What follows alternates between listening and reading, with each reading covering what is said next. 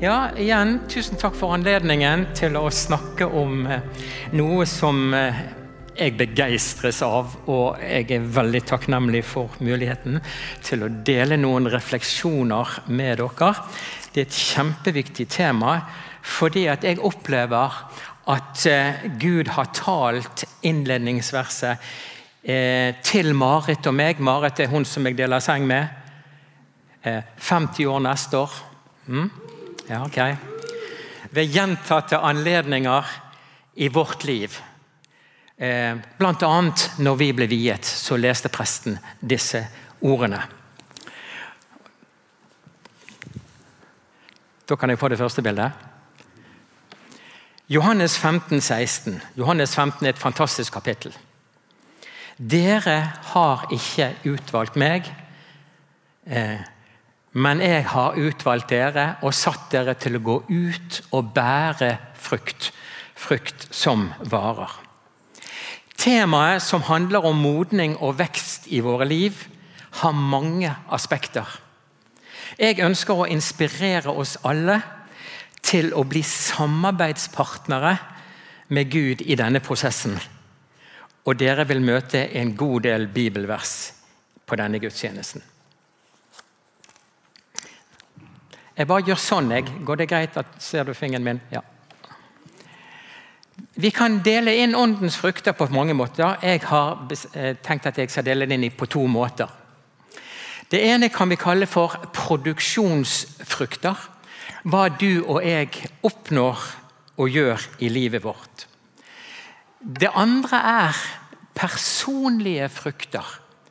Og det går på eh, hvem vi er som person. Og For meg er dette aspektet ved åndens frukter langt på vei det viktigste. Fordi at det også langt på vei bestemmer produksjonsfruktene våre. Det er flere Ja, det er det viktigste, og det bestemmer langt på vei osv. Produksjonsfruktene våre, ja. Det er flere vers i Bibelen som definerer åndens frukter. Et av de sentrale er Galaterne 5.22. Men åndens frukt er kjærlighet, glede, fred, overbærenhet, vennlighet, godhet, trofasthet, ydmykhet og selvbeherskelse. Slike ting rammes ikke av loven. Altså Disse fruktene her handler om personlige kvaliteter. Og de passer 100% på Jesus. Og han blir derfor vår modell. Hvordan var han som person? Jo, han var et helt sant og sunt menneske. Og han kaller oss i dag til å bli mer lik ham. Og dette For meg er dette noe av det aller mest viktige og fantastiske ved kristentroen. Jeg vil nevne noen av egenskapene hans. Han var ærlig og sann. Han bar ingen maske. Eh, han var villig til å bli kjent for den han var. Og Det er en definisjon vi har i Ungdom i oppdrag av bl.a. ydmykhet. Han var realistisk i kontakt med sine følelser. Han skjulte de ikke, men kommuniserte følelsene sine åpent når det trengtes. I Johannes 15, 15 så sier han at åpenheten hans overfor disiplene var et tegn på vennskap med disiplene. Han var trygg i sin identitet og verdi fordi han trodde 100 i sitt hjerte på hvordan hans far hadde definert ham. Som elsket og viktig. Altså som 100 verdifull da han ble døpt før han gikk ut i sin tjeneste. Og Dette fikk konsekvenser. Han kunne si nei og ja. Han klarte å sette grenser rundt seg selv, og han var i stand til å åpne dem. Han våget å bryte sosiale, kulturelle og religiøse normer der det trengtes. Han tok ikke sin verdi fra mennesker rundt seg. Og som sant menneske var han sunt avhengig av Gud. Det står at han gjorde og sa ikke noe uten at han hadde hørt det fra Gud eller sett det. Dvs. Si, han var 100% ledet av Gud. Og så var han også sunt avhengig av det menneskelige fellesskapet. Og Dere husker hva han sa i Getsemane. Kan ikke dere være hos meg? Kan ikke dere våke og be sammen med meg? Han våget å konfrontere i kjærlighet. Han var trygg og motivert eh, for sin livsoppgave. Han opplevde livet meningsfullt. Han var kjærlig. Han sa at ingen har større kjærlighet enn den som gir sitt liv for sine venner. Han var bærer av fred. 'Min fred gir jeg dere'. Han var overgitt til Gud, mennesker og oppgavene han var tildelt. Han var empatisk, medfølende. Han hadde selvkontroll. Han kunne være sint uten å synde. Det er viktig å være sint av og til. Og ikke minst, han var Han tilga overtredelser fra mennesker.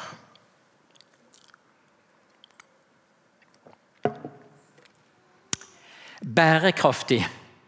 Ordet 'bærekraftig' er et høyaktuelt begrep og anvendes på mange områder i samfunnet. Vi snakker om bærekraftig jordbruk, miljø, bærekraftig ledelse osv. osv. Og det dreier seg om måten vi lever på, står seg i fremtiden. Og, og omvendt om fremtiden står seg i møte med slik vi lever. Nå gjelder ikke bærekraft tenker jeg, bare klima. I dagens sammenheng så handler det om slik jeg lever mitt liv, i vid forståelse. Og særlig i relasjonene mine til meg sjøl og mine nærmeste, til verden omkring meg, og ikke minst i forholdet til Gud. Tro staves relasjon, sier Jens Petter Jørgensen. Og jeg tror det er rett. Så å vokse i åndens frukter handler nettopp om å utvikle et mer bærekraftig liv etter Guds design. Derfor er de personlige kvalitetene våre så viktige.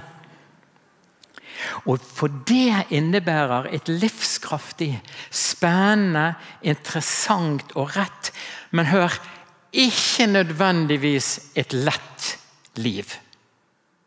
Er det greit?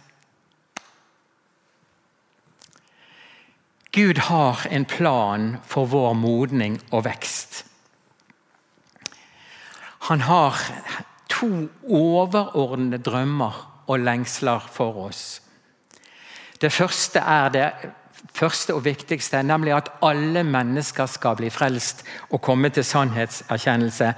1. Timoteus 4, 2 vers 4.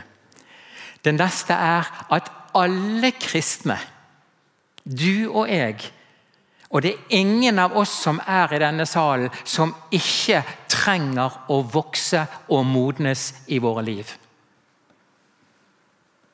La meg bare understreke det.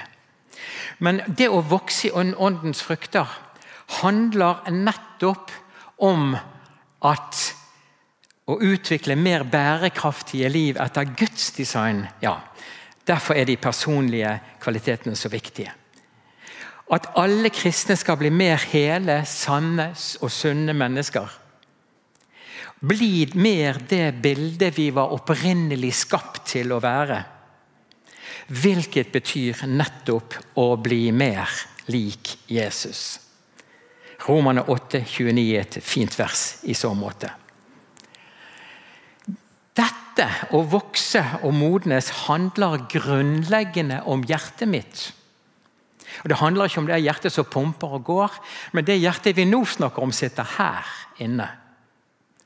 Ordspråkene 23 vers 7, som er et kjernevers i hjertefokusundervisningen, er, sier Som et menneske tenker i sitt hjerte, slik er han. Altså, slik blir hans eller hennes bilde på denne jordens overflate. Og dette betyr alt for hvordan mitt, vårt og klodens liv skal arte seg. Hvorfor det? Jo, fordi vårt hjertes tanker affiserer hele vårt liv. Og Derfor må vi, som ordspråkene 423 sier, og som dere, mange av dere kjenner, så står det at vi skal bevare vårt hjerte. Jeg er mye mer jeg synes det er bedre oversettelse det som den engelske bibelen sier, nemlig at vi må vokte vårt hjerte. Hvorfor? Fordi at livet går ut fra det som du tenker der. Slik er du. Guds kvaliteter for meg som person, åndens frukter, formes i nær, intim relasjon med Jesus. Johannes 17, 3 definerer at det evige liv er Hva er det evige livet, folkens? Jo, det er å kjenne Gud. Og han, Gud, har utsendt Jesus. Og Jesus hadde tidligere sagt til disiplene at dere skal kjenne sannheten som setter oss fri. Og i begge disse versene så betyr det å kjenne på gresk å kjenne intimt, nært.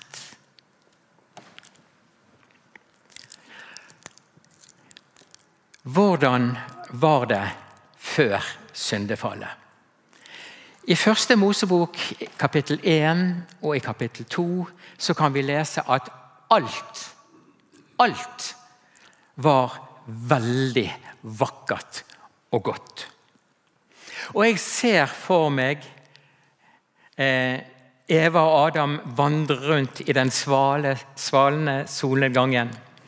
Landskapet var kledd i de mest fantastiske farger en kunne tenke seg. Kjærligheten var sterk, overgivelsen til hverandre likeså. Og tryggheten ble satt navn på i det Eva spør Elsker du meg? Hvorpå Adam svarer Hvem ellers? Ja, jo, hvorfor spør du?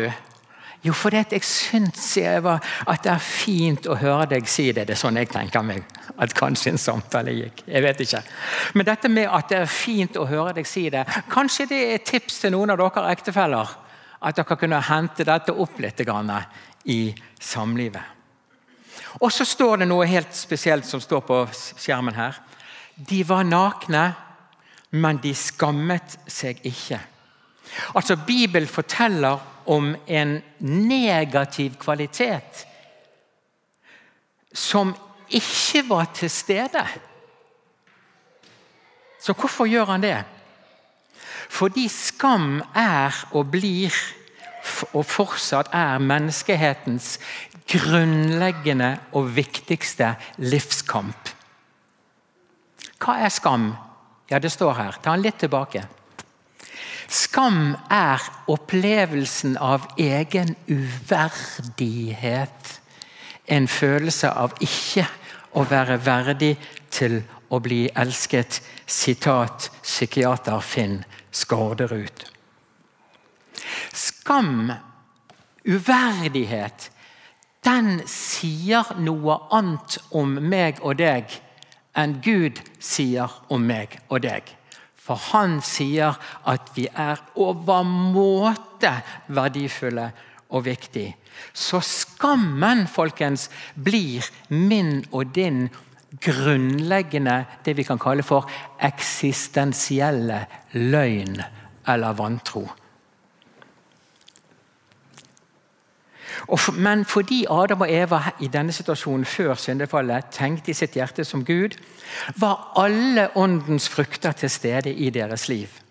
De var sanne, sunne, hele mennesker med en bærekraftig personlighet og et bærekraftig samliv. Konsekvensene var at de levde meningsfulle, gode, åpne og trygge liv. Så skjer det noe. Men før vi kommer inn på det, så skal vi gi litt bakgrunn. Menneskets grunnleggende behov, og det er det fremdeles, er å få bekreftet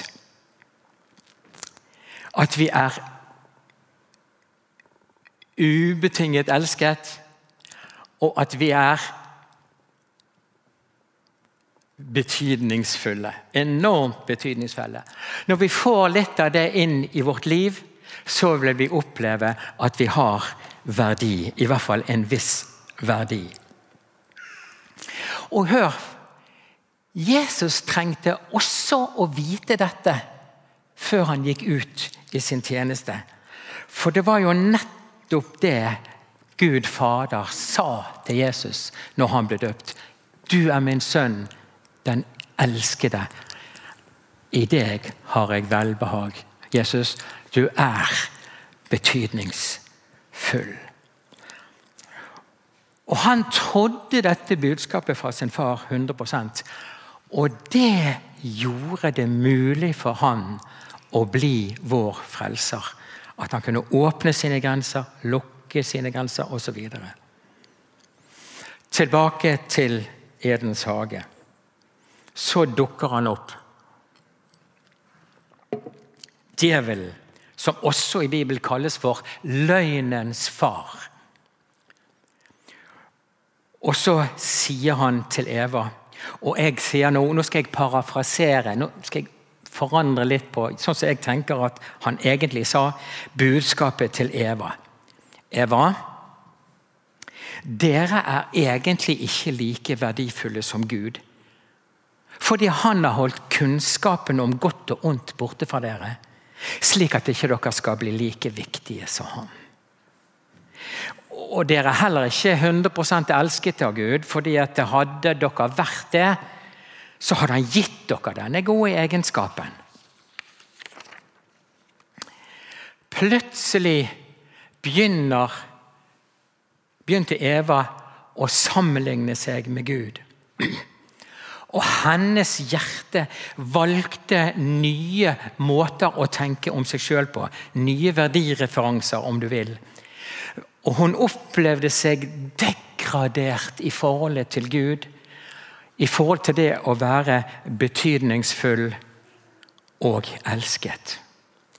Romerne 1,25 beskriver dette her veldig tydelig og flott når han snakker om mennesket og sier følgende De byttet ut Guds sannhet med løgn og tilba og dyrket det skapte i stedet for skaperen.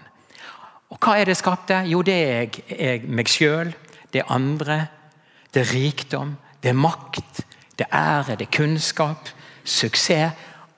Og listen er ganske lang.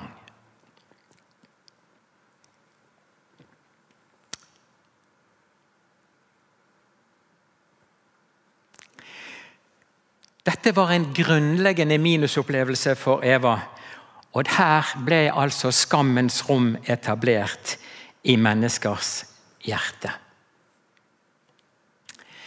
Denne hendelsen har fått store konsekvenser for menneskeslekten. Mennesket har fortsatt å la seg avvise og degradere. Det er ingen av oss i denne salen som ikke av og til lar oss avvise og degradere. Og at vi begynner å tro på en løgn. Og Dette skjer gjennom ting som blir gjort mot oss, som ikke skulle ha skjedd. Det skjer gjennom ting som ikke blir gjort mot oss, som burde vært gjort. Det skjer gjennom ting som blir sagt til og om oss, som, som ikke skulle vært sagt. Og ting som blir sagt, ikke blir sagt til og om oss, som burde vært sagt til oss. Og vi er blitt veldig sårbare i vår kamp etter verdi. Og som mor, så datter. Som far, så sønn. Vi fødes på defensiven. Og Psykologer har estimert at for hvert negativ ting vi opplever, kreves det mellom fem og ti plussopplevelser for at vi skal balansere det ene minuset i vårt liv. Vi har derfor alle et skammens rom i vårt hjerte. Og det er løgnens og vantroens rom. Hvorfor? Jo, fordi at skammen sier noe annet om meg enn det Gud sier om meg. For å gjenta meg sjøl. Og det er også et smertens rom. Fordi det er vondt å kjenne seg degradert. Mennesket fikk altså et Ja, du kan ta den litt tilbake. Et, en syndig natur, sier Bibelen. På moderne norsk snakker vi om kjøttet vårt, vår gamle natur. Teologisk kaller vi den for arvesynden. Fordi nettopp som mor så datter, som far, så sønn. Vår syndige natur består av forskjellige negative personlighetstrekk, som f.eks. usikkerhet, mindreverd, frykt for å mislykkes, overlegenhet som en kompensasjon, usunn konkurransementalitet, og Ut av disse kommer forskjellige former for atferd som alle representerer menneskets krevende prosjekt med å skape sin egen verdi. Noe Jeremias 2 vers 13 sier blir som å drikke av brønner som ikke holder vann. Som kristne har vi altså to naturer. Det går veldig tydelig frem i Romane 7. Og I Galatane 5 så står det For kjøttets begjær står imot åndens Altså og også åndens frukter. Og åndens begjær står imot kjøttet. Disse ligger i strid med hverandre, så dere ikke kan gjøre det dere, altså Guds rike i meg vil. Galaterne 5.19-21 beskriver eksempler på denne kjøttets atferd. Ehm, hor, umoral, utskeielser, avgudsdyrkelse, strid, sjalusi, misunnelse, sinne, selvhevdelse, stridigheter, splittelser osv. osv. Jeg har sagt det før, og jeg sier det igjen. De som driver med slikt, skal ikke arve Guds rike. Listen er dessverre mye lenger. Så altså Kjøttet i meg, min syndige natur, min gamle mitt gamle menneske, blir i oss fra et Guds rike perspektiv til den ikke bærekraftige delen av meg i et Guds, altså Guds perspektiv. Nå vil jeg dele veldig kort et personlig vitnesbyrd. Jeg tror på de personlige vitnesbyrdene. En mentorkollega utfordret meg en dag og sa at han syntes han gjenkjente noe dypt usikkert i mitt liv. Jeg kjente det overhodet ikke igjen. Jeg var en vellykket doktor på Brann stadion. Hadde en kone som oppførte seg noenlunde greit. fem barn som oppførte seg noenlunde greit, Volvo i garasjen osv. Så, videre, og så, videre. så forteller du meg at jeg strever med usikkerhet. Mm, kanskje. Men så kom vi på vår disippeltreningsskole i Canada i 1987. Og så fikk vi denne undervisningen i sin fulle bredde. Og så fikk jeg åpenbaring om at jo, sannelig var det noe i mitt hjerte som var usikkert på om jeg var verdifull eller verdifull nok. Og så fikk jeg en forståelse av hvor det kom fra. Fordi jeg hadde en mye fraværende og en mye sint far. Og, og, det, og det førte til at jeg slet med opplevelsen av at om jeg var verdifull. Fordi jeg kan ikke huske at han bekreftet meg som elsket og verdifull, med mindre jeg hadde prestert noe. Så jeg lærte at skal du få høre de gode og viktige ordene, så må du prestere noe. Og det ble mitt hovedanliggende i mitt liv. Men hør, det er jo et usikkert prosjekt. For hvem presterer godt hele tiden? Så usikkerheten ble ikke bare en del om jeg klarte å prestere, men usikkerheten ble knyttet opp mot meg som person. Og Det førte til at jeg jaget etter å prestere. Og Det betød igjen perioder i mitt liv med klart gale prioriteringer. Noe som igjen fikk konsekvenser for hvordan Marit og mine barn opplevde seg. De opplevde seg avvist. Med de konsekvenser det fikk for samliv og familieliv. Gud hadde ikke tenkt at vi mennesker skulle velge oss en syndig natur og streve med verdien vår. Så han har en plan til et mer bærekraftig liv.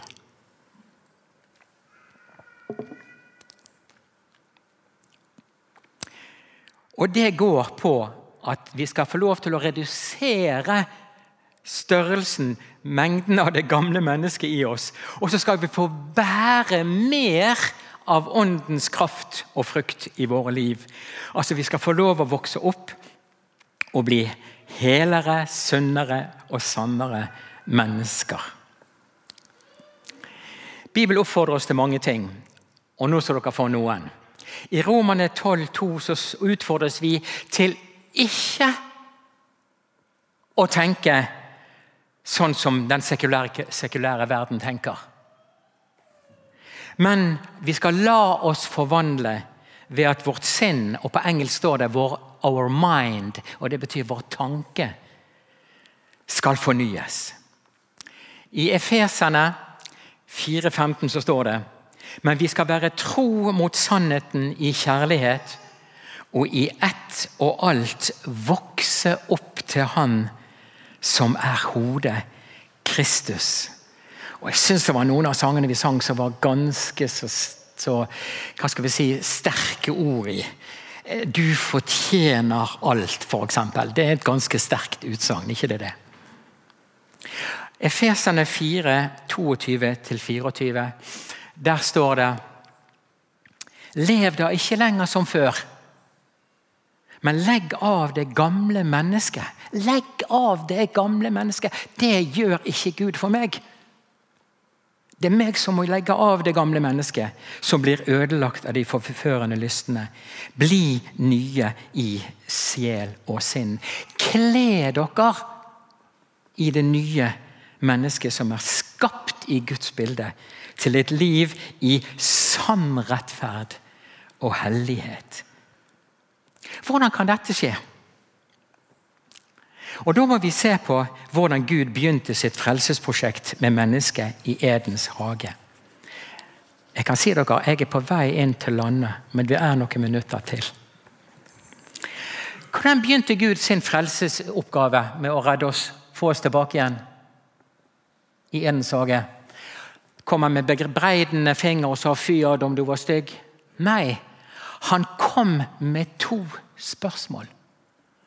Og det første var Hvor er du, Adam? Har dere hørt på et sånt spørsmål? Har noen, noen gang tenkt på at Gud stiller et spørsmål? Hvor er du henne? Som om han ikke visste hvor de var. Så hvorfor spør han da hvor han er henne, når han vet hvor han er? Og Da tenker jeg han spør fordi at Adam må sette navn på dette sjøl i sitt liv. Vi må vite hvor vi er. Vi må vite hva som rører seg i våre liv. Hva vi føler. Og Det vi føler, kan gi oss en idé hvilke tanker som ligger bak disse følelsene.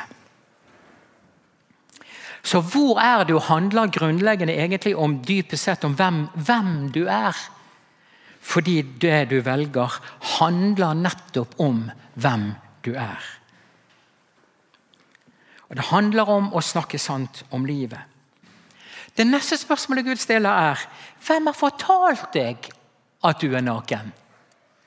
Det vil si at du skal være bærer av skam i livet ditt. Hvem har fortalt deg det? Og Dette spørsmålet handler om villighet til å dukke ned i ditt livs historie. På godt og ondt. Og det at vi kommer i kontakt med hva som har skjedd i våre liv, hjelper oss til å se hvilke løgntanker vi har bygget inn i vårt hjerte. Gud stiller oss de nøyaktig de samme spørsmålene i dag. Han stiller meg og deg disse to spørsmålene. Hvor er du? Hva rører seg? Og hvem har fortalt deg? Og han ønsker inderlig jeg sier det igjen inderlig at vi skal gå inn og se på det i våre liv, så vi kan begynne å få tak i, mer tak i hva vi har bygget inn i hjertet vårt. Hva skjer når og etter at vi er blitt en kristen? Da flytter Den hellige ånd inn i vårt hjerte. Er vi enige om det? Bor Den hellige ånd i deg, du som et Guds barn? Ja! Yes! Men hør, det videre forløpet er faktisk mye opp til deg og meg. Og Paulus snakker om at vi må passe på hvordan vi bygger vårt liv. Og det står ikke på Gud. Han er veldig overgitt til vår vekst og modning. For i 2. Peter 1,3 så står det at han har gitt oss alt han har gitt oss alt som vi trenger til liv og gudsfrykt. Og det er jo logisk, for han bor jo her inne. Ikke sant vel? På korset, hør, tok han ikke bare hånd om min skyld og din skyld. altså Tok ikke bare straffen på seg, men han håndterte også skammen min. Paulus sier i Romane 8 at jeg av den grunn at han også tok i hånd om skammen min, ikke skylder min syndige natur noe. Du står ikke i gjeld til skammen din, sier Paulus, at du skulle leve etter skam. Og Gjennom oppstandelsen folkens, så gir han meg det nye livet ved Den hellige ånd som bor i meg. Han har altså gitt oss alt som vi trenger til liv og gudsfrykt. Så ja, vi kan bygge ned vår menneskelige natur, vår syndige natur, og ta imot åndens frukter som en gave gitt oss av nåde. I versene før innledningsverset som vi leser i Johannes 15, 16, snakker Jesus om at vi må bli i ham. På gresk betyr det ordet at vi må være vitalt bundet til ham. Vi kan se greiner på treet som er visne. Sant? De er ikke vitalt bundet til treet, men vi skal være vitalt bundet til Kristus. Og I praksis så skjer dette gjennom at vi tar til oss av ordet, for mennesket lever ikke bare av, ord alene, av, av mat alene, men av hvert ord som kommer fra Guds munn. Og Dette ordet må vi ta til oss som mat på regelmessig og hyppig basis. Vi må være åpen for Den hellige ånd, praktisere bønn, nattverd og delta i det kristne fellesskapet. Er du og jeg og vi som menighet vitalt bundet til Jesus?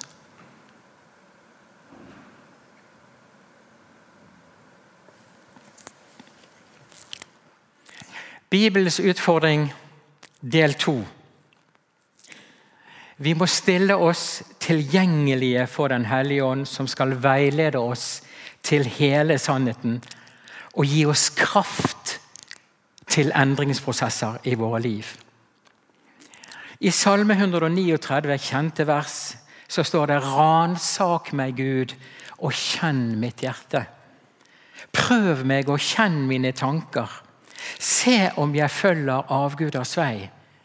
Og Disse utsagnene handler om å få åpenbaring i hjertet vårt. Ikke bare en kunnskap i hodet, men vi trenger åpenbaring i hjertet vårt om hvem vi er. Og Så sier han videre 'og led meg på evighetens vei'. Dette starter gjennom oppgjør med løgntanker, vantro i mitt tomme rom i hjertet mitt. Så omvendelse det handler om å kle av oss. Og Omvendelse innebærer bønn om tilgivelse for at vi bærer løgntanker i vårt hjerte. Det blir som å rykke opp løvetenner med roten i mitt hjertes bed, slik at det blir plass til Guds sannhetsroser. Bl.a. om hvem vi er, og Han er. Og igjen får vi ta imot dette av pur nåde. 1. Johannes 1, 8-9. Eh, Sier vi at vi ikke har synd, altså har løgn og bedrag og vantro i vårt hjerte, da bedrar vi oss selv, og sannheten er ikke i oss. Men dersom vi bekjenner våre synder, er Han trofast og rettferdig, så Han tilgir oss syndene og renser oss for all urett. Herren Jesus lengter etter deg og meg mye mer enn hva vi lengter etter ham. Han ønsker sånn at vi skal leve et rikt, spennende, meningsfullt og bærekraftig liv med Guds rike kvalitetene, nemlig åndens frukter. Hva ønsker du? Ja, sånn egentlig, mener jeg.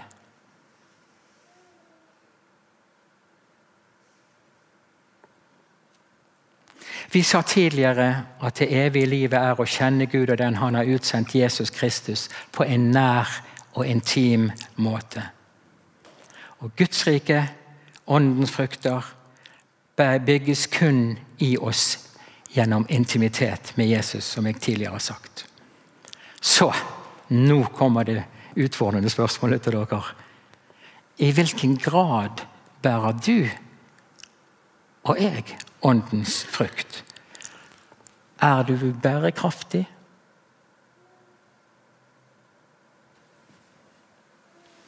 Efesene 5, 15-16. Pass derfor på, nøye på, hvordan dere lever. Ikke som ukloke mennesker, men som kloke. Så dere bruker den dyrebare tiden godt, for dagene er onde. Herre Jesus, takk for dine ord til oss. Nå ber jeg om at det jeg har sagt denne formiddagen som ikke er fra deg, at du legger ditt hellige blod over dette og sletter det fra vårt minne. Og så ber jeg om at det som jeg har sagt, som er fra deg, at det kommer i god jord her i dag. Så det bærer masse god frukt.